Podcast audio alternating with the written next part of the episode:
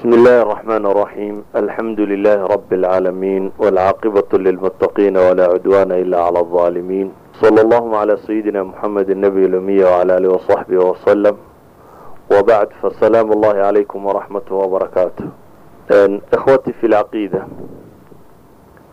waxaan isku dayayaa inaan sharxi karo ama wax ka idhaahdo mowduuca ku saabsan alfaaxisha alfaaxisha waa eray xumo oo dhan kooba. Laakiin aad moodo qur'aanku inuu si gaara ugu sii calaamadiyey xumaha qeyb kaloo ka sii mid ah oo ah waxa zinada loo yaqaano. Allena subxaana wa tacaala uu qur'aanka ku leeyay walaa taqrabu zina inahu kana faaxishatan wasaaa sabiila. Ilaahay wuxuu leeyahay zinaha samaynina lama odhan. Waxaa la yidhi ha u dhowaanina zinadu diinta islaamiga waa waxa aada ugu fool xun. Dhaqamada bini aadamka waa waxa ugu liita. Waa astaan lagu garto ummadaha sii socda. Ma aha markaan leeyahy waa astaan lagu garto ummadaha sii socda. Aragti islaamku uu qabo oo qura ee waa aragti runtii dunida maanta dhammaanteed taalla. Kastoo laga yaabo in dad badan isweydiiyaan oo haddaa sawtan aada ugu badan wax ka qabad baa loo garan waayey. Yani mabda'a islaamiga mabaadi'da aan ahayn wax ka qabad ayay u garan waayeen. Saasi daraaddeed bay waxay ku dhawaaqayaan saaxiib qura yeelo ama gabadhu saaxiib qura ha yeelato ama kan ha yeelato laakiin yuu qofku taltallaabin. Saa daraaddeed baa qaarkood qawaaniintoodii waxay ku dareen in la mamnuuco in rag ama dumar la gado oo ay yacni galmada rag iyo dumarka ka dhexlay inay wax lacag lagu kala gadan karo inay noqoto dalal gaaleed oo caano aynu naqaano. Xataa kiina gumaysan jiray ingiriisku uu ka mid yahay ama dalal badan oo reer galbeed ka midi ay ka mid yihiin. Caalamulislaamina waxaad moodaa dacaarada ama xumaha caynkaasiyo in la gado. Qaanuunka ka yaalla marka laysku wada daro kuwii faransiiska iyo talyaanigu gumaysan jireenna waa fasax. Kuwii ingiriiska iyo noociyaadka kale gumaysan jireenna waa mamnuuc si kasta ha noqotee ilaahay subxaana wa tacaala qur'aanka wuxuu ku tilmaamay inuu shaygani faaxisho yihi dabeetana ha samaynina baa ilaahay yidhi subxaana wa tacaala bal ha u dhowaanina shayga xumihiisa waxaad ka garan kartaa cuquubada alla saaray subxaana wa tacaala inta laagtay qof bini aadam oo la yidhaha dhagax lagu dilo wax ka fool xumi ma jiro. Yani waxaynu naqaanaa qofka zaaniga muxsinka ah shareecada islaamiga waxay qabtaa haddii lagu caddeeyo in dhagax lagu dilo. Ka dhallinyarada ah in la karbaasho. Labaduba waa shay zajriga ama in qofka laga hiifo waxaanoo laga reebo waxa u dheer inay yihiin qofka oo la liidayo ama camaliyadan oo camaliyad aada u fool xun. Waayo bini aadamka jiritaankiisu wuxuu ku salaysan yahay ama taranta bini aadamku waxay ku salaysan tahay guri la dhiso zinaduse waa mutca waa raaxo la raadinayo oo aan la rabin in mas'uuliyaddeeda la qaado. Yani islaamku wuxuu ogolyo keliya inay dadku guri sameeyaan oo gurigaasi mas'uuliyaddiisa ay qaadaan oo dhashiisa ay tarbiyeeyaan oo iyagu ay kaga koobnaadaan xumaha dhammaantood. Zinaduna waa intaaba cagsigeeda. Zinadu mujtamacay ku badato guurkaa yaraada intay isguursataana wuu dumaa. Walidaalik baa maanta galbeedka waxa u caana. Wadano badan oo galbeed ka mida waxay idhaahdaan furitaanku waa boqol kiiba konton. Yacni laba guro kastoo la dhisa mid baa duma waxay idhahdaan khiyaanada rag iyo dumarka udhaxaysa wadanada qaarkood waa boqol kiiba sideetan taasi waxay sababtay bay leeyiin inaynay suurtagal ahayn in reeraba jiraan. In wadan dhani bilaa reero uu noqdo. Waxay sababtay in wadan dhan la yidhaahdo qof askari loo qoraa la waayey dabeeta ay sababtay in la yidhaahdo hoos ha loo dhigo waxyaabihii askarta lagu qaadan jiray. Markii la waayey yacni qadiyadda tan cid ka soo bixi karta ayaa waxay noqotay war waxaynu haysano aan wax ka qaadane wixii inoo ahaa xadka ugu hooseeya ee qofka caafimaadkiisa lagu qiyaasi jiray hoosa looga noqdo. Waxaa la yaqaanaa inay zinada iyo faafista xanuunku nooc kastaba xanuunada faafa inay wada socdaan sidaa daraaddeed ba waxa la ydhaha mar kastoo zinadu ay sii badataba dunida xanuunada ku sii bata. Iyadoo oo maanta dunida la in technology badan iyo medicine badan iyo dawooyin tiro badan la la helay wixiioo dawoo la helay waxaa laga sii dhaxlay inuu xumaha kani sii bato ama se xanuunadu inay sii bataan. Bale kuwuu nebigu sheegaya calayhi salaatu wasalaam inay soo baxaan. Ee ku tilmaamayay inaanay ummadi ku dhicin zinada tan oo aanay ku faafin ilaa iyo ilaahay wuxuu ku itixaama xanuuna aan kuwoodii hore aqoonin. Xanuunada zinada laga qaado qura. Waxaad moodaa dowr kastoo bini aadamku mid wax yar ka bartaba mid cusub in alla keeno. Oo kii hore ka sii gadisan ama ka sii foolxun waxaa inagaga filan zino sida alla uu fogeeyey. Ilaahay wuxuu leeya azani laa yankixu ilaa zaniya aw mushrika. Wazaniyatu laa yankixuha ilaa zanin aw mushrik waxurima dalika cala almu'miniin. Waxaa la israaciyey gaalka iyo zaaniga. Markaasaa la yidhi ninka zinaysta ma guursado gaalad iyo zaaniyad mooyaane. Gabadha sinaysataana ma guursata baa la yidhi zaaniyad zani nina ah iyo gaal mooyaane. Waxaad moodaa in lagu walaalaynayo naska sida ka muuqata labada tan. Waxaynagaga filan xumaheeda zino saa xumo uu alle subxaana wa tacaala ugu tilmaamay. Inuu nebigu leeyahy calayhi salaatu wasalaam laa yazni zani xiina yazni wahuwa mu'min. Ma zinaysto ka zinaysanayaa. Waktiga uu zinada ku dhacaya isagoo mu'mina. Waxaynagaga filan inaynu garanno inay ka mid tahay macaasida ugu waaweyn ama kabaa'irta la yidhaahdo inay ku jirto. Bal eh inuu ilaahay subxaana wa tacaala qur'aankiisa ku tilmaamayo. Qofku zinada uu ka dhowrsada inay cibaadaadka ugu waaweyn ka mid tahay ee ilaahay ambiyo ku ammaanay ee dumar ku ammaanay. Yani waa labada shay si ay u kala fog yihiin.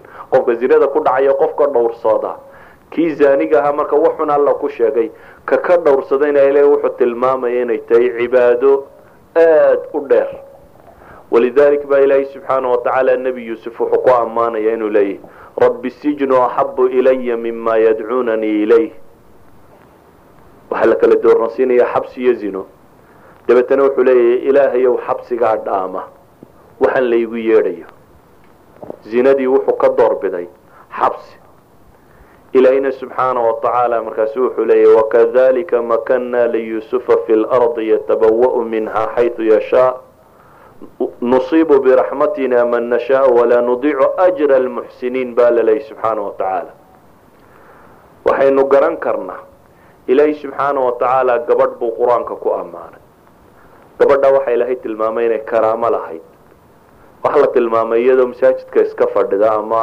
meesha lagu cibaadaysta iyadoo iska joogta inay raashin heli jirtay gabadha karaamaadka tirada bani uu ka dhacay oo ah gabadh iyadoo shaqo tegin raashinkeedu uu diyaar ahaan jiray. Waa maryama. Ilaahay subxaana wa tacaala wuxuu ku sifaynayaa. Wa maryama bnata cimraan alatii axsanat farjaha. Ammaan waxaa alla uga dhigay inay dhowrsanaatay waxaynagaga filan zinadoo laga dhowrsada yacni khayrka ay leedahay ama ammaan waxa ugu filan inuu nebigu calayhi salaatu wasalaam ku tilmaamayo toddobada maalinta qiyaamaha ilaahay uu hooskiisa geeyo ee hadhka hela. Inuu ka mid ahaa imaamka caadilka ah ninka dhallinyarada ee cibaado ku kobca iyo rajul qalbigiisu uu masaajidka ku xidhan yahay. Laba qof oo ilaahay dartiisu jeclaaday. Wuxuu nebigu ku todobeeyey calayhi salaatu wasalaam ama kuwaasi ka mid ahaa warajulu طalabathu imra'at datu mansab wajamaal faqaala inii akhaafu allaha nin ay gabadh qurux leh iyo mansabba reer ka dhalatay ama wax lagu maamuuso gabadh wadata quruxna wadata intay u yeedhay ku yidhi ilaahay baan ka cabsanaya zino inta loogu yeedhay yidhi war ilaahay baan ka baqaya anigu subxaana wa tacaala. Ayaa waxaa laynoo tilmaamayaa qiyaamaha marka cadceedu soo dhowaatee dadku naftu haysato kuwa hadhka helaya inuu ka mid yahay. Bale nebigu calayhi salaatu wasalaam wuxuu inoogu tilmaamayaa balaayooyinka dunida waxyaabaha ilaahay lagu weydiisto inuu kaaga kor yeelo inay ka mid tahay dhowrsoonidu qofka muslimkii zine ka dhowrsoodo walidalik baa saddexdii nine godku ku dumay ee dhagaxuu albaabka ka fuulay ee iska qaadi kari waayey midba waxbuu ku beriyey alle subxaana wa tacaala. Mid waalidka oo u samafalaba alle ku beriyey dabeetana ilaahay baa inka fujiyey. Midna oo ah kaynu u soconnaa wuxuu alle ku beriyey subxaana wa tacaala inay jirtay gabadhin adeertiya oo qurux badnayd oo in badan raadiceeyey oo diiday oo dabeetana ilaahay berigii dambe abaar riday oo gabadhii iyo reerkoodii abaari ku dhacday oo iyadoo wax weydiisanaysa ay u timi oo uu yidhi haddii aada isu kay dhiibto un baan adduunku siinaya. Oo uu siiyey boqol iyo labaatan dinaar oo dahaba boqol iyo labaatan dinaar oo dahabi waa in ka badan nus kiilo dahaba waa shan boqol iyo toban garaam oo dahaba ayuu siiyey. Dabeetana gabadhii markuu isyidhi u tag ayay abhiso waxay tidhi war waxaan alla kuu bannayn ha samaynin. Kadib ayuu ilaahay xasuustay. Marka ilaahay xasuustay oo iskaga tegay iyada iyo dahabkeediiba. Ilaahay subxaana wa tacaala wuxuu ku baryay ilaahu godkaa nagu dumay dhagaxuna saaran yahay. Adiga dartaa baan uga tegay zinadaasi ilaahu dhagaxaa nagaga fayd ilaahay baa kaga fayday subxaana wa tacaala. Yani waa balaayooyinku markay dhacaan waxyaabaha alla lagu baryo waxaa ka mid ah inuu qofka muminkii zine uu ka waabsaday waxaan leenahay zinadu waa waxa aada foolxun foolxumaanteedu waxay gaadhsiisantahay xaduu nebigu calayhi salaatu wasalaam. Mubaayacada ama ballanka marku qaadayo saxaabada gaar ahaan dumarka ay baycadooda ka mid ahayd. Waxa uu nebigu calayhi salaatu wasalaam leeyahay cidda ka ii ballan qaada inuu ilaalinayo afkiisa iyo farjigiisa anna waxaan u ballan qaadayaa buu nebigu leeyahy calayhi salaatu wasalaam inuu janno helayo. Zinadu waa wax aada u liita oo nolosha dhammaanteed ku liita. Walidaalik baa iyadoo quri xad ma laha ee agmarmarkeeda xataa xag leh. Waxa uu qur'aanku tilmaamayaa xadd lqaadif alqadfu bilfaaxisha qofka qof zine ku ceebeeye markhaati u waaya xataa in la dhangadaynayo kaa laftiisu inuu ka mid yahay kuwa yowga la dhangadaynayo maadaama zinadu ay saasi fool xun tahay waanay nolosha marnaba ku hagaagsanayn oo caafimaadka bini aadamka ay wax badan yeesho. Oo amraad iyo xanuunada faafa iyadoo ay sababta koowaad ay ku faafaan ka mid tahay oo ciqaabta alle waxay ku soo degto ay ka mid tahay oo ay ka mid tahay waxyaabaha reer magaalnimada dhammaanteed gunta ka gooya. Ummadi ma jirta baa la yidhahdaa xadaaradihii burburay ilaa iyo waxay caan ku ahayd markay sii dumayso waxa lagu yaqaanay wuxuu ahaa in dumarku fasahaadaan oo riwaayaadka iyo qaawanida iyo qurunkaasi u bato. Waxay astaan muuqata u ahaan jirtay taariikhda bini aadamka dhammaanteed waxaa la hayay daraasaadka lagu sameeyey inay ummadaasi ummad gebi ka sii dhacaysa oo sii dumaysa ay tahay. Idan waa astaamaha lagu garto waayo astaamaha lagu garto bini aadamku inuu dumayo waxaa ka mid ah. Inuu guri dhisnaan kari waayo waayo haddaan guri jirin ummadi ma jirto ummaddu waa gurya isu tegey. Guryuhu hadday dumistoodu badato macnaheedu waxa weeyaan ummadu ma jirto. Hadday zina badatona waxa weeyaan macnuhu guri ma jiro. Haddii zinadu badato rag iyo dumarkuba zinadoodu ay bataan is-aaminkuna wuu dhimanayaa in guri dhisnaadaana ma dhacayso. Walidaalik ayaa ilaahay subxaana wa tacaala wuxuu ina faray inaynan zinada u dhowaanin inaynan u dhowaanin macnaheedu maxay tahy waxay tahay dhowr shay buu islaamku jideeyey. Wax quluubta dadka ku saabsan oo waxa koowaad ee qofka bini aadamkaa hogaamiye ah oo ah iimaanka iyo islaamnimadu qofku haysto oo alla kacabsi u raaco oo uu qofka mu'minkii dareemo in ilaahay ka koreeyo wax kastoo uu samaynayana in alla arkayo subxaana wa ilaahayna cid ka kiiro badan ee aanay jirin waa ku xadiidkii bukhaari nebigu lahaa calayhi salaatu wasalaam yaa ummata muxamed yaa ummata muxamed ma axad akyaru min allahi an yaraa cabdah aw amatahu tazni ya ummata muxamed low taclamuuna ma aclam ladaxiktum qaliila walabakaytum kaiira idan qofka mu'minka ahi inuu dhowrsanaado oo iimaanku uu dhowro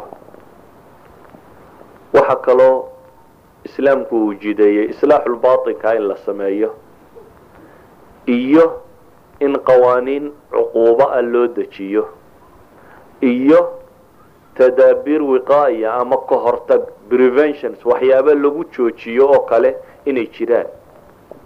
Zino istaagi mayso inaynu saddexdan samayno mooyaane. Hadaynu rabno inaynu zino joojino laakiin aynan rabin inaynu raacno qawaaciddu islaamku u dhigay si zinada loo yareeyo ama loo joojiyo. Ma joogsamayso bale gaalo maalan westranku markuu zino u taag waayey ee waxay yidhahdeen war bal aan sii dayno ha la fasaxo. Haddii la fasaxo bay yidhahdeen wax dadku markuu ka dharge sanka ka keeno waxaa laga yaaba in la iska daayo. Qaanuunyahankooda wuxuu qaatay tafsiirka odhanaya laba qof oo baaliqa oo qaangaadi hadday isu tagaan inaan waxba laga qorin ay saas iska ahaato. Laakiin zine inta laga dhargay lama fadhiisane. Xumo dhammaanteed bay u sii tallaabeen. Waxaa soo baxay rag ragga kora. Waxaa soo baxay zinadii markay dhammaatay iyada la dhameeyey inay carruurtii baxsan weydo. Wadano dhan baa maanta jira oo aan ilmaha lagu aaminin in xadaanada la geeya meesha yare carruurta lagu cayaarsiiyo ilma haddaad geyso waa khatar wuxuu yahay in la koro. Oo macalinku koro weliba yacni wax laga dhargey markaa ma jirte waa la sii dawaqayo haatan bay leeyihiin maxaynu samaynaa marka? Idan xumuhu ma laha meel uu isku taago. Haddii aan marka hore waxa joojinaya la samaynin. Waxa joojinaya wuxuu yahay islaamku. Zinada qaanuuniga qaanuunku uu xukumo iyo zinada akhlaaqiga ee akhlaaqda ku foosha xunle waa kala nooc. Zinada qaanuuniga ahi iyadu xuduud gaara bay leedaho marka ficladu nooca u dhacday intaasoo markhaati la helo ama uu qofku isagoo qiraala u yimaadunbaa xuduuddaa lagu ogaa laakiin ta kale oo ah wax allaaliya wixii keenaya in waxaasi lagu dhaco ayuu nebigu rabay calayhi salaatu wasalaam marka koowaad. Walidalik bu xadiidkii bukhaari nebigu wuxuu ku tilmaamaya indhuhu inay zinaystaan zinadoodu waa daymada buu nebigu yidhi. Gacmuhu way zinaystaan. Oo zinahuma albatsh. Waa qabashada iyo taataabashada. Adimadu way zinaystaan oo waa socodkanuu qofku dhanka xumaha u sii socdo. Waxa zinaysta buu nebigu ku tilmaamayaa carabkaa zinaysta oo wahaa saawahan qalloocan iyo warkan qariban qalbigaa zinaysta buu nebigu leeya calayhi salaatu wasalaam oo waxa kan doona. Dabeetana aakhirka ayaa farjigu ama u rumeeya ama beeniya idan zine haddii la rabo in la joojiyo waa in la joojiyaa muqadamaadkeeda waxyaabahay ka bilaabanto. Kow waxyaabahay ka bilaabanto waxaa ka mid ah daymada. In raggu dumarka daadaawado ama dumarku ragga ay daadaawadaan dadka xumaha ka shaqeeya. Gaar ahaan markaan galbeedka idiin tilmaamo. Dadkooda xumaha ka shaqeeya waxay ogaadeen ishu inay waran khatara tahay. Saasi daraaddeed waxay garteen meelahay lacagta ugu badan ka samayn karaan inay tahayba dadku mar haddaan caqiida xidhaynin in xumo la daawadsiiyo walidalik ba waxay sameeyeen aflaam xumaha laga daawado. Tv-yo xumaha laga daawado. Jaraa-id playboy iyo wax la nooca la yidhaahdo xumaha laga daawado wax oo dhan waxay isugu geeyen waayo waxay ogyihiin qofku hadduu ishan waxan ku badiyo inuu waddada tan waddo uu qaadayo ay tahay. Ilayna subxaana wa tacaala wuxuu ina leeyahy qul lilmu'miniina yaguduu min absaarihim wayaxfaduu furuujahum. Dadka mu'miniinta waxaad ku tidhaahdaa baa la leeyahy subxaana wa tacaala hoos ha rogaan indhahooda. Ishu waa khatar haddaad la raacraacdo walidalik ayaa nebi yuusuf gabadhii boqoradu boqorku qabay markay hunguraysay ee uu diiday ee dumarkii kale ceebeeyeen ay yidhaahdeen inan yaroo addoona bay raadacaysatay waxay yidhaahdeen waa tii casuumadda u samaysay yuusufna meesha soo taagtay markay arkeenna ilaahay wuxuu leeyahy akbarna waqatacna aydiyahunna. Waa weynaysteen oo gacmahay iskoogooyeen ba alla leeyahy ilaa ay ka yidhahdeen waqulna xaasha lilahi ma hada bashara in hada ilaa malakun kariim idan ishu waa khatar. Nabiguna calayhi salaatu wasalaam xadiidku saxiixu muslim warinayay jariir ibnu cabdillaahi albajali wuxuu nebigu u tilmaamay. In waxaan weydiiyey buu yidhi daymada koowaad ama daymada qofka ishun kaaga dhacdo.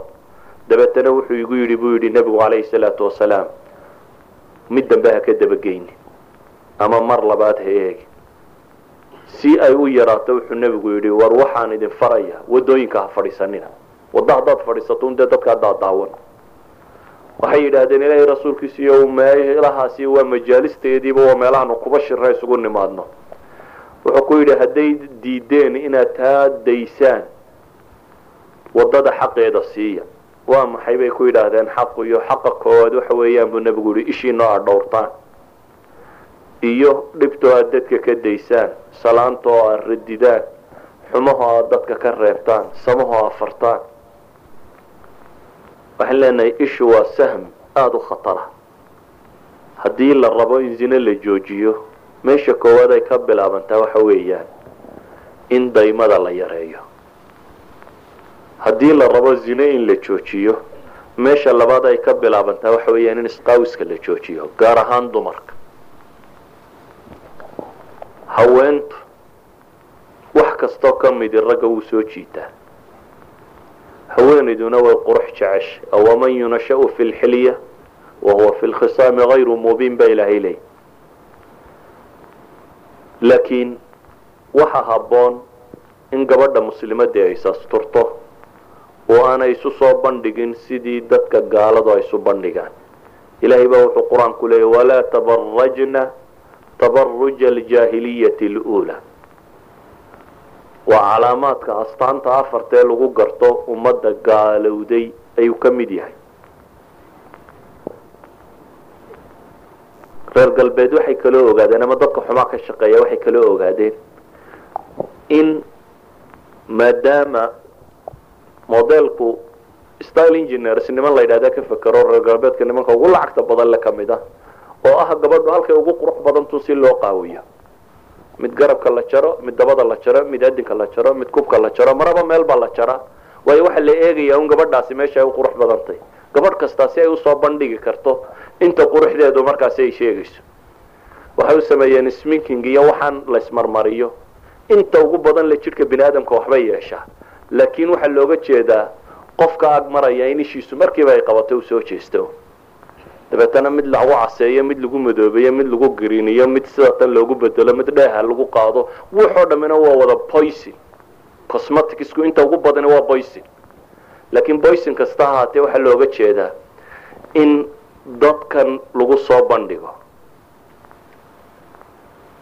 Waxyaabaha kaleoo loo baahan yahay in laga tago waxaa ka mid ah. Fitnatu lisaan. Rag iyo dumarku. Inaanay sheeko wadaag badan yeelan ama farsamaday soomaalidu haasaawaha ku tilmaamtee tirada badan leh waa mamnuuc. Bale waxaa mamnuuca hadallada qaarkood. Ilaahi subxaana wa tacaala wuxuu ku tilmaamaya in itaqaytuna falaa takhdacna bilqowl fayaطmaca aladii fii qalbihi marad. Haweenkii nebiga isagoo alle la hadlaya subxaana wa tacaala ayaa ilaahay leeyahy hadalka ha jejabinina waa dumarkii daahirkii nebi moxamed qabay calayhi salaatu wasalaam ayaa alla leeyahay hadalka ha jejabinina yaan kuwa qalbiga ka buka idin soo doonanine gabadhu waxaa habboon inaanay si miicmiica u hadal.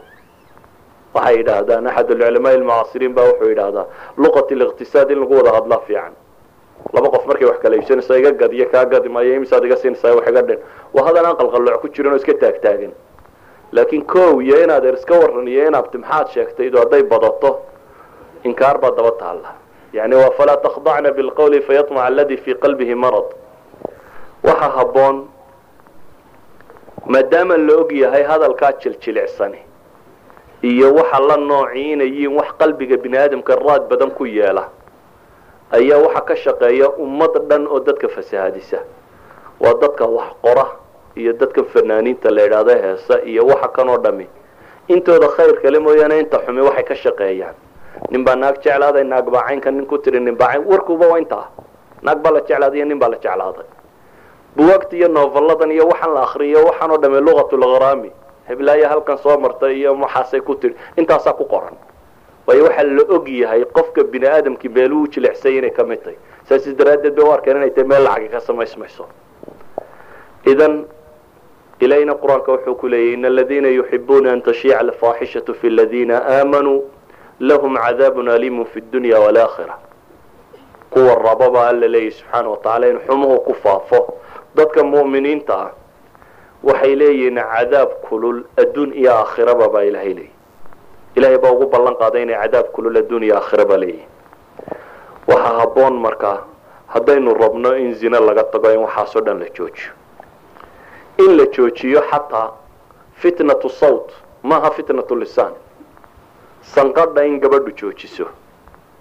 Sanqadho waxyaabaha ragga lagu soo jeediye gabadhu wax kastoo ay samaysay ninka wuu soo jeedisaa walidalik ayaa ilaahay wuxuu leeyahy walaa yadribna biarjulihina liyuclama maa yakfiina min ziinatihina haweenku iyo cagaha dhulka ku tumin baa ilaahay yidhi si aan loo ogaanin. Yani iyo cagaha ku tumin si ay dadka aanay ugu muujinin waxyaaba khalkhaalka iyo dahabka iyo wixii ay dhudhumada waagi hore ku xidhan jireen. Reer galbeedku taas bay ogaadeen in qofka bini aadamka ah ama gaar ahaan haweenku sanqadhoodu inay wax badan. Kabta haweenkao dhami waa qaraafa xagga hoose waxay ku leedahay quraarad yar ama wax yaroo sanqadha innaga dhul ciidaynu maraa laakiin galbeedka markaad joogto nin hadduu ku ag marayo weligii sanqadhi maayo maqli maysi haween hadday laba kilomitr ku marayso qorobqorobteedaad maqlaysaa. Waa sanqadh loogu talagalay in lagu yidhaahdo haanada halkan haween baa maraysae daymo. Walidalik baa kab kasta ama ha gaabnaato ha dheeraato waxay doonto ha noqoto kabta dumarka ee galbeed lagu qaataa sanqadh bay leedahay. Kabaha raggu laakiin sanqadha ma leh. Waxay garteen gabadha socodkeeda iyo jabiskeedu inuu wax badan soo rogayo. Markaasay u sameeyeen kabaha dhaadheer kaba dhaadheer mataqaanaa macnaa ku jiraa wuxuu yihi qofku kab gaaban markuu qaato cagtoo dhan buu dhulka la helaa. Faraha ilaa cidhibtaa isku dhulka taga dabeetana qofku balansid buu noqda yani jidhkiisu isu dheeli tirmaa ma liicliico.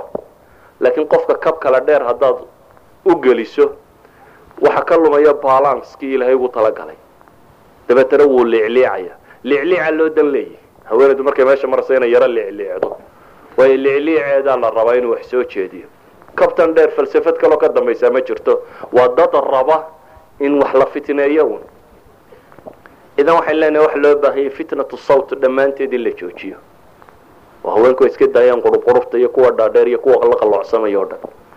Waxaa loo baahan yahay caafimaadkana waa u daran yahi waxaa loo baahan yahay in la joojiyo fitnatu tiyib ududgoonka iyo waxaan la ismarmariya.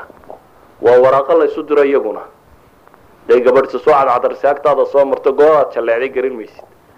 Waayo sankaagu marku waxa kan waad daymoonaysa walidalik buu nabigu calayhi salaatu wasalaam wuxuu tilmaamaya xataa hadday masaajid ku socoto inaanaysa soo marin maaha tu suuqa ku socotay ta cibaado tegaysaa ee masaajidka ku socota isla salaadun jamac soo tuko ayuu nebigu wuxuu ku yidhi gabadhii isa soo cadrisaay masaajidka hanaga iman gabadhii isa soo marisa ee cadaray masaajidka ha imanin baa la yidhi waxaynu u baahannahay haddaynu rabno inaynu xumaha joojinno inaynu joojinno dharka qaaqaawan dhammaantii. Nebigu calayhi salaatu wasalaam wuxuu tilmaamayay haween inay jiraan. Laba kooxood buu nebigu yidhi baanan anigu arag wakhtigiisii oo ahlu naarka ka mid a laba kooxood oo ahlu naarka ka mid a anigu weli maan arag buu yidhi. Kooxi waa koox budhadh iyo dhengada sidatoo dadka laysa buu nebigu yidhi calayhi salaatu wasalaam. Kooxna buu nebigu leeyahy waa haween waxna huwan qaawanna iyagu weecsan dadkana weeciya. Wuxuu nebigu ku sifaynaya inay waxna sitaan waxna aanay sidaan ama maradu maro yaroo gaaban ha noqoto intii la yidhi asturaan asturaynin.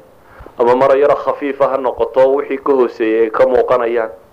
Ama noocay doonaysaba ha u noqote maro dhanna ka go-an dhanna ka xaydan ha ahaato. Waa maro aan wax asturaynin qofkuna wuxuunbuu sidan sameeyaa markuu xayo waayo. Idaa lam tastaxyi fasnac maa shit ayuu nebigu calayhi salaatu wasalaam tilmaamaya.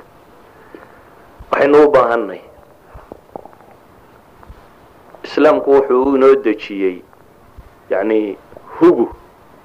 Saddex shay buu bini aadamku dharka u qaataa. Wuxuu u qaataa inuu isku qurxiyo. Laakiin laba shay oo ka sii muhiimsan baa jira wuxuu u qaataa inuu cawradiisa ku asturo. Oo shay koowaada wuxuu kaloo u qaataa caadiyaat ilxayaa inuu iskaga celiyo. Hawadan qabowga dhaxanta waxyaabaha kan inuu iskaga celiyo. Labada kale muhima. Saasi daraaddeed qofku waa inuu in badan ka fakaraa. Wixii walyadribna bikhumurihina calaa juubihina markaasaa ilaahay u tilmaamayay subxaana wa tacaala haweenka muslimaadka. Waxa islaamku uu dejiyey si aanay zinada tani u badanin tadaabiir kaloo ka sii horaysa oo ah rag iyo haweenka inaan la isku dhex darin. Ah raggu inaanu iska gelin guri ilaa iyo idan ay dalbaan mooyaane. Inaad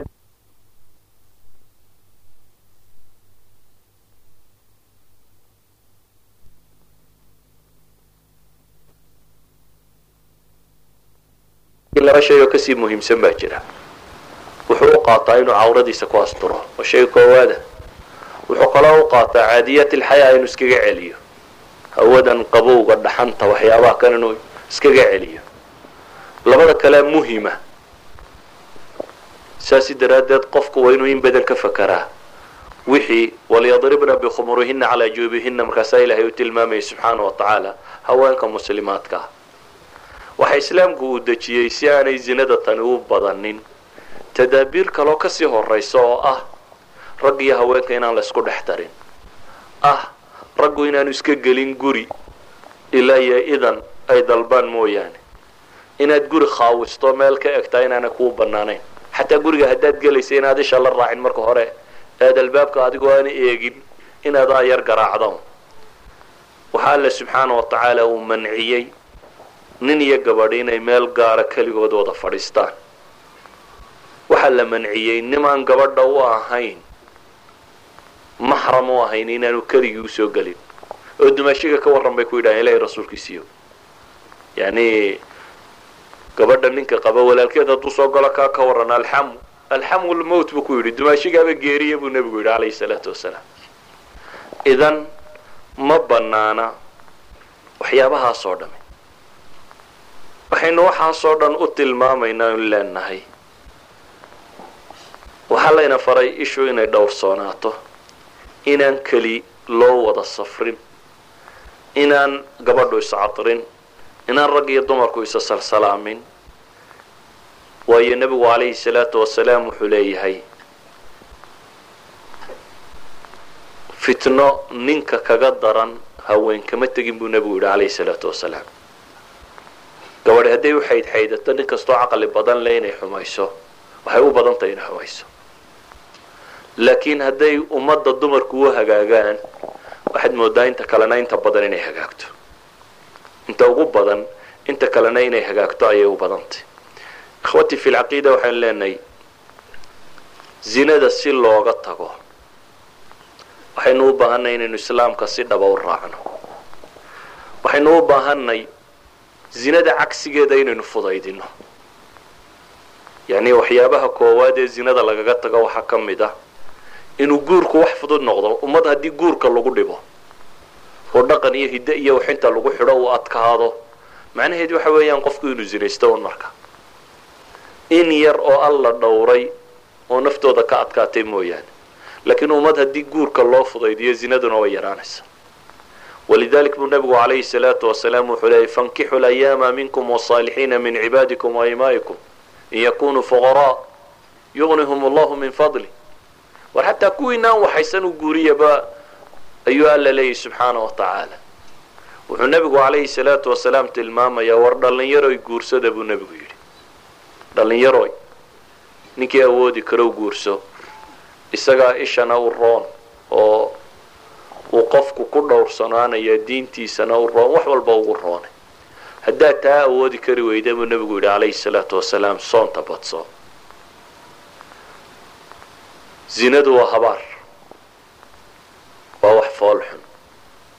Waa waxaa si keenaya aakhira inaad cadaab gasho. Waa waxaa si keensanaya in dhagax lagugu dilo ama lagu dhangadeeyo. Waa waxaa si keensanaya inaad ilaahay naxariistiisa ka fogaato. Waa waxaa si keensanaya haddaad qof ku tilmaamto in adiga lagu karbaasho waa waxaa si ilaahay leeya kuwa raba inay faaxishadu ku faafto dadka mu'miniinta ah aakhiriya adduunba cadaab bay leeyihiin waa kaasi keenay aids iyo herbs iyo saylaan iyo waxa qurun la sheegaya o dhan. Xanuunadaasi tirada badan lee la kala qaado o dhan waa ka keenay.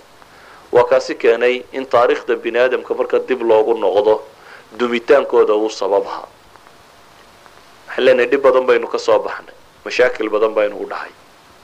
Laakiin inuu noqdo waxaynu alle uga abaalgudnaa inuu noqdo inagoo macsidiisa badheedh ula nimaadno wax foolxun waa wax laga yaqyaqsoodo in maanta hargeysa uu ka bilaabmo. In la arko aflaam pornography xunxun war muslim daaya gaaladii baa mamnuucday. Hadda waa kaana alle iyo rasuultoona rumaysnayn diinna rumaysnayn. Ayaa wuxuu gartay in waxa kani bulshada baabi'inayaan markaasuu mamnuucay intii awooddiisa ahayd. Maanta in la yidhahdo pornography ama aflaam xunxun ayaa hargeysa lagu daawadaa waa yandaro inay noqoto rag iyo haween si sharci darraa u wada dhaqmaya inay soo baxaan waa wax aada u liita dhalinyaro fududi inay timaadee waa wax aada u liita dayacuu waalidku sameeyuunbaa muujinaysa haddii dhalinyaro fududoo badan la arko. Waa dayacay bulshadu samaysay ma jecli inaan in badan akriyo tirakoobyada ama ixsaayaadka galbeedka iyo dhibta dadka mashkiladan cagaha la galay waxay ka kasbadeen. Laakiin waxaa idinkaga filan dee in ilaahay idinku yidhi war way xuntee ka taga. Waxaanan iyaga kuwooda idinku akrinaynin nijaasta faafinteedu ma fiicna marka horeba saasi daraaddeed baan uga gaabsanaya laakiin waxaynu awoodi kari lahayn inaynu wax badan ka sheegno oo runtii qof waliba uu ka yaqiiqsoon lahaa. Wax badan ka tilmaamno ah waxaasi meeshuu dhexal siiyey. Dadkii mooday markii hore inay ilbaxnimo ahayd. Maantana ka ooyayo garan laa si ay u xallilaan. Yacni maanta xadkii way dhaaftay. Waxay yidhaahdeen in laga dhargo o dhan waa laga dhargi waayey. Qurun oo dhan baa soo baxay. Waanay arkayaan wax lagu burburayo inay tahay laakiin xal bay waayeen. Innagoo muslima oo ilaahay inaga ballan qaaday in qadiyadda tan inuu xalkeedu yaallo waanu inaga fogeyn inaynu meel shishe ka doonno maaha. Yacni gaala markay fadiilo wanaagba garan weyday ayaa waxay yidhaahdeen war zinada iska dhaafay garan waayeen dabeetana waxay yidhahdeen ninku naag qudhowna ha fuulfuulo ama xalaala ku fulo ama xaaraan ku fulo ama wuxuu doonee war meel kale ha qabanin. Dhakhaatiirtooda saa ku talisa. Lakiin waxaan leenahay zine dhammaanteed waa nijaasun waxaa haboon markaa dadka muslimiinta inay dib isu qabtaan. Waxaa haboon dhallinyaradu inay dib uga fakarto. Waa mutca zaa'ila waa waxaana akhriya adduuntoona wax ku taraynin. Inta zine kharashkaaga baxda in ka yarunbaa guurna ku baxda. Inta deganaanshiya la'aan kaaga baxda in ka kooban ayaa laga yaabaa inay kaaga baxdo. Balese guurka waxaynu leenahay tmi-inaan buu ka yimaada. Ummaddaa degta waalidiintana waxaan in badan kula talinayaa inay dhashooda guurka u fudaydiyaan. Xaaraanta iyo xalaasha labadaba inta la adkeeyo in dadku noolaadaa suurtagal maaha. Waa wax ka soo horjeeda abuurka bini aadamka in la yidhaha xaaraanina ma jirto xalaalina ma jirto. Hinaasahan dambe carabta qaar ka mid a isku dayay inay yidhahdaan labada midna ma jiro lakiin way suurtoobi weyde xalaashiina way adkeeyeen oo nimaan dhowr boqol oo kun oo dirham haysani guursado xaaraantiina waa la adkeeyey. Dabeetana iyana waxay noqdeen waxa aada u xumay inuu ka soo baxo. Waxaan leenahay xalaasha waa in la fudaydiyaa. Oo loo fudaydiyaa sidaa alle uu u fudaydiyey subxaana wa tacaala. Xaaraantana waa in la adkeeyaa. Oo loo adkeeyaa siduu alle u adkeeyey. Haddii aan ummaddu ka fakarin xumuhu intuu bilowgaya inay iska joojiyaan. Wakti dambe oo laga calaacalaa la gaadhi doonaa. Aakhiro kama warramayo adduunkan sheegaya. Adduunka wakti dambe lagu halaagsamo. Ayay tegi doontaa. Ilaahay waxaan ka rajaynayaa subxaana wa tacaala inaanu kuwa xumaa ku halaagay inaga yeelin. Xaqa inuu ina tusiyo subxaana wa tacaala. Alle waxaan ka baryaynaa inuu xumaa inaga tahiro. Inuu qalbigeenna islaamnimadeenna ku toosiyo. Inaynu isku dayno diinteenna inaynu fahmno inaynu isku dayno inaynu raacno dariiqa xagga xaqa ah. Raggana waxaan u sheegayaa inta badan iyagaa wax xumeeya. Inay xumaa ka daayaan dadka. Weliba ciliyatulqowm baa wax xumaysa sida qur'aanku tilmaamayo. Dadka inta wax haysata iyo inta maamulka haysataa inta ugu badan umamka fasaadka u horseeda. Halaaguna intaasoo ka yimaada. Intaasi hadday islaaxdana inta hoosena waa la celin karaa waxaan leeyahay waayeelka iyo dadka waxgaradka iyo maamulka iyo dadka ummadda hogaaminaya inay u feejignaadaan ummaddu. Siday xumaa uga joojin lahaayeen wanaaggana uga horseedi lahaayeen. Wallahu aclam wabilahi tawfiiq.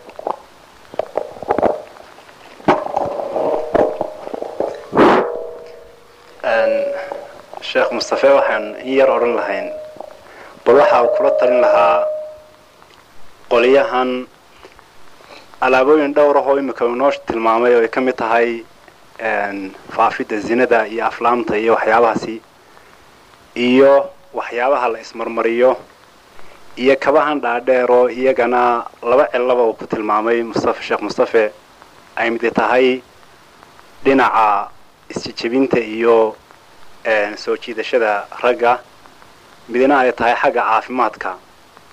Alaabooyinkaasi oo dhan ama aflaam ha ahaato ama kabaha dhaadheer ha ahaato amaba maryaha qaaqaawan ee magaranaysa ee khafiifka ha ahaato ama waxyaabahan laysmarya ha ahaatee intaba rag ayaa keena. Oo waa laga baac mushtarayaa markaa waxaynu ka codsan lahayn waxoogaa baltala ah. Wixii uu kula talin lahaa raggaasi. Bismi illahi raxmaan raxiim nebigu calayhi salaatu wasalaam wuxuu ku tilmaamayaa dembigu waa waxay naftaadu kahato aada necbaysata in dadku kugu arkaan. Waxaana dadba naftaada u quudhaynina ma habboona dadka muslimiinta kale inaad u quudho. Waa midda labaadee xumuhu waa wax cad oo la wada garanayo. Waa wax cad oo qof waliba garanayo. Saasi daraaddeed dadku xumaha inuu joojiyaa waa waxaan ka hadlayay. Masalada xaaraantinimaynta anuu ku degdegi maayo. Waayo waa iska suurtagal diraca khafiifa gabadhu inay gurigeeda gudihiisa ku qaadato ama ninkeeda isagu qurxiso waa iska suurtagal waxyaabo badan guriga lagu samayn karo. Laakiin waxyaabo badan oo aan arkayo ku arko magaalada aada ugu badan oo aad moodo maanta dunida in in badan laga joojiyeyba ayaan arkaya aada ugu badan oo ay ka mid yihiin cosmeticskiiyo waxaa la ismariya. Hablaha waxaan odhan lahaa jidhkiinu sidii uu alla idiin sameeyo ku qurux badan yahay. Ha iska googoynina xanuuno aada u tiro badan iyo balaayooyin badan baa laga qaadaa. Markaasaa weliba innaga waxaa inoo sii raacaa sensorshipba ma jiro wax dawo oo la baadho ama wax qaanuunkeenu uu manciyo oo la ismariyaa ma jiro. Taasi waxay sababtay wax badan oo yurub markaan joogay aan iska ilaalin jiray. Oo cunno ah ka kaale wax la ismarmariyo waxa kan. Ayaan hargeysa gudaheeda ku arkay. Ma rumaysanaysa hargeysa gudaheeda inaan ku arkay cunno ay ku jirto. Doofaarka lafiisu halka iskaga rakibmaan dheecaanka yara udhexeeya ku jira raashin uu ku jira in hargeysa lagu cuno lakiin waxa weeyaan cidna wax ma baadho cidna waa jallatin waa maado caadi oo la wada yaqaano. Waa lafaha doofaarku ama lafaha halkan iskaga laalaabmaan dheecaanka yara ku jira weeyaan waa maado ay u isticmaalaan in waxa biyaha ah iyo waxa subaga ah inay isqabsan karaan. Biyaha iyo subag way kala socmaan marka la isku daro. Lakiin inay isqabsan karaan baa loogu isticmaalaa. Jallatin baa lagu iibiyaa hargeysa gudaheeda. Idan waxaan odhan lahaa dadka baaci mushtarkaana waar ilaahay ka cabsada oo waxaa iibinaysaan hubiya arsaaq xalaalaad doonaysaan waan garanayaa kolley wax badan in dadka jaahilnimo u geynayso. Laakiin waxaan odhan lahaa waar ilaahay ka cabsadoo idina wax iska hubiya oo wax xalaala gada. Waxa xunna dadka ka joojiya. Ha u keenine. Wallahu aclam. Sheekh mustafe kimikaliskaasi aa soo tilmaantay hablo badan ayaa isticmaala oo qaar badan midabkoodii asalka ahaa u dhaawacay. Xanuunnana mararka qaarkood uu wejiga uga geystay. Haddaba maxaad tala siin lahayd gaar ahaan da'yarta arrimahaasi ku khaldamaysa bismi illahi raxmaan raxiim qofka muslimka ah waxaa inuu islaamnimadiisa ilaashado intaanan waxa shareec ahaan culammadu ka tilmaamto aanan sheegin waxaan jeclahay inaan qodob ka fudud tilmaamo ah maxaa loo marsadaa su'aasha ugu badanee dadka maskaxdiisa ku soo degdegta waxa laga yaaba inay tidhahdo waa qurux.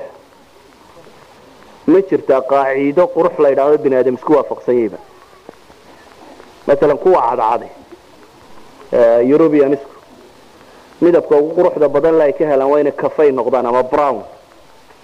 Cadceedda isu dhigaan way wadaan wadaan inay ismadoobayso daraaddeed gabadha reer yurubka ahay dabeetana waxay tidhahdaa kaafiga inaan u ekaadoo kale. Kaafigu muxuu idin leegaya idinka?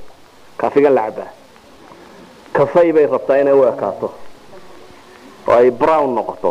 Midabka brownka loo yaqaano kuwa madmadoobi. Waxay rabaan inay caddaadaan oo ay iscaddeeyaan labada dhandhankee quruxdu jirtaa yani qurux wax la yidhaahdo qaacido laysku waafaqsanyay ma jirto. Laakiin waxaa jira wax laysku waafaqsanya oo la yidhaahdo jamaal ilafcaal. Quruxi waa qofka dhaqankii khilqada ilaahay baa loo adigu waxba kama bedeli kartid. Abuurka allah iskale subxaana wa tacaala. Lama doorto maaha wax doorasho ku jira. Wax doorasho ku jira maaha. Laakiin waxa doorashada ku jira waxa weeyaan waa dhaqanka. Waa dhaqanka qofka waxa qurux badneeya ama waxa fool xumeeya. Hadduu qofku dhaqan fiican yahy gabadh kasta oo qurux loo guursado hadday dhaqan xun tahay naf badan oo yeelanaysaa ma jirto. Waayo aragtidu wax ma tarto ee qofka dhaqanka iyo waxa ka soo fulaa wax sheega.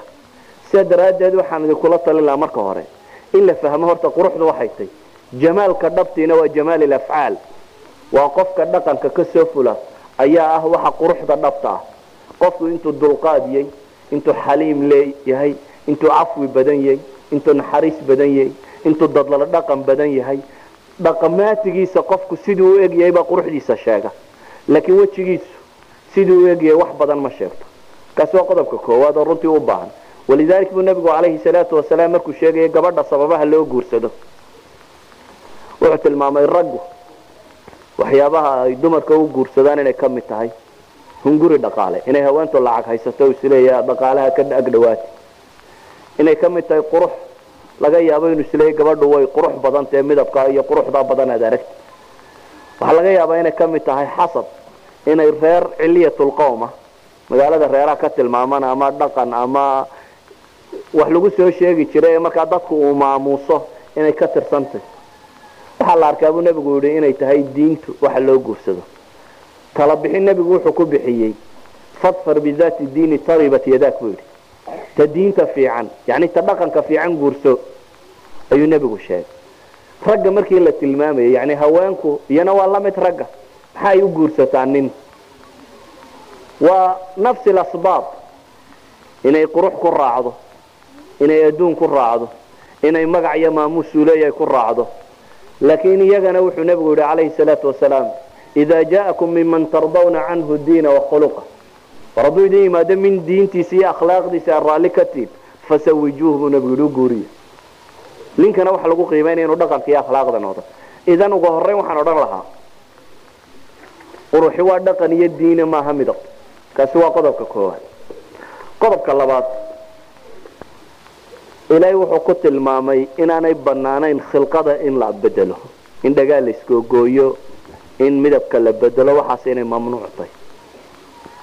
Walidalik baa waxyaabuu shaydaan ku ballan qaaday inuu yeeli doono bay fala yugayiruna khalqa allah waxyaabuu fari doono ayay ka mid ahay. Saa daraaddeed culamadu waxay leeyihiin ma ammaana laakiin aan dhan kale masalada ka sii tilmaamo. Caafimaadkaaga siday ku tahay. Se maanta markaad dhalaasho dhowr bilood kadib dhalaalkaa ma wadaysa. Waxaa xaqiiqaa inaad u bantaalla in kansar kugu dhaco. Inaad cadceedda jidhkaagu xamili kari waayo. In xanuuno badanoo maanta jidhkaagu midabka uu leeya uu difaacaa. Aanu difaacmi doonin. Waxaa hubaala in yar dabadeed inaad ka calaacali doonto waxaad maanta isku dhalaalinaysa. Intaynan islaba gaadhin diintu waxay ka qabto. Waxaan leenahay caafimaad ahaan maxay ka sheegeen? Dadkii waxaan sameeyey. Ama kimistis ha ahaadaan dhakhaatiir ha ahaadaan waxa kani maxay ka sheegeen? Dhammaantood way ka digayaan. Walidalik baa waddamada qaarkood waxa ugu badan ee dhulkan laysku mariyay mamnuucba sidooda ka yihiin inay soo galaan. Laakiin waddankeenani ma leh. Cid wax mamnuucda iyo cid wax reebtaba mid suna iyo mid boysina iyo mid waliba way timaadaa waa laga yaabaa laba usbuuc inaad caddaato laakiin waxaa la hubaa inaad aada u arag xumaan doonto haddaad sii wato. Idan qurux dhowr usbuuca oo arag xumi ka dambayso waxa ka roon adoo khilqada alla ku siiyey ilaashada oo iyada nadaafad iyo wixii alla kuugu talagalay ku ilaashada. Waxaan leenahay markaa dhaqan ahaan kuma fiicna oo diin ahaan kuma wanaagsana oo caafimaad ahaan kuma wanaagsana. Oo ka saddexaadne waa kish waa khiyaamo.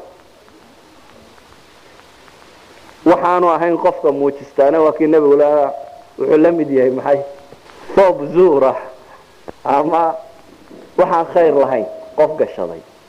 Yani waxa weeyaan waa kish ku jira waxaanad ahayn oo aad dadka isugu tusayso.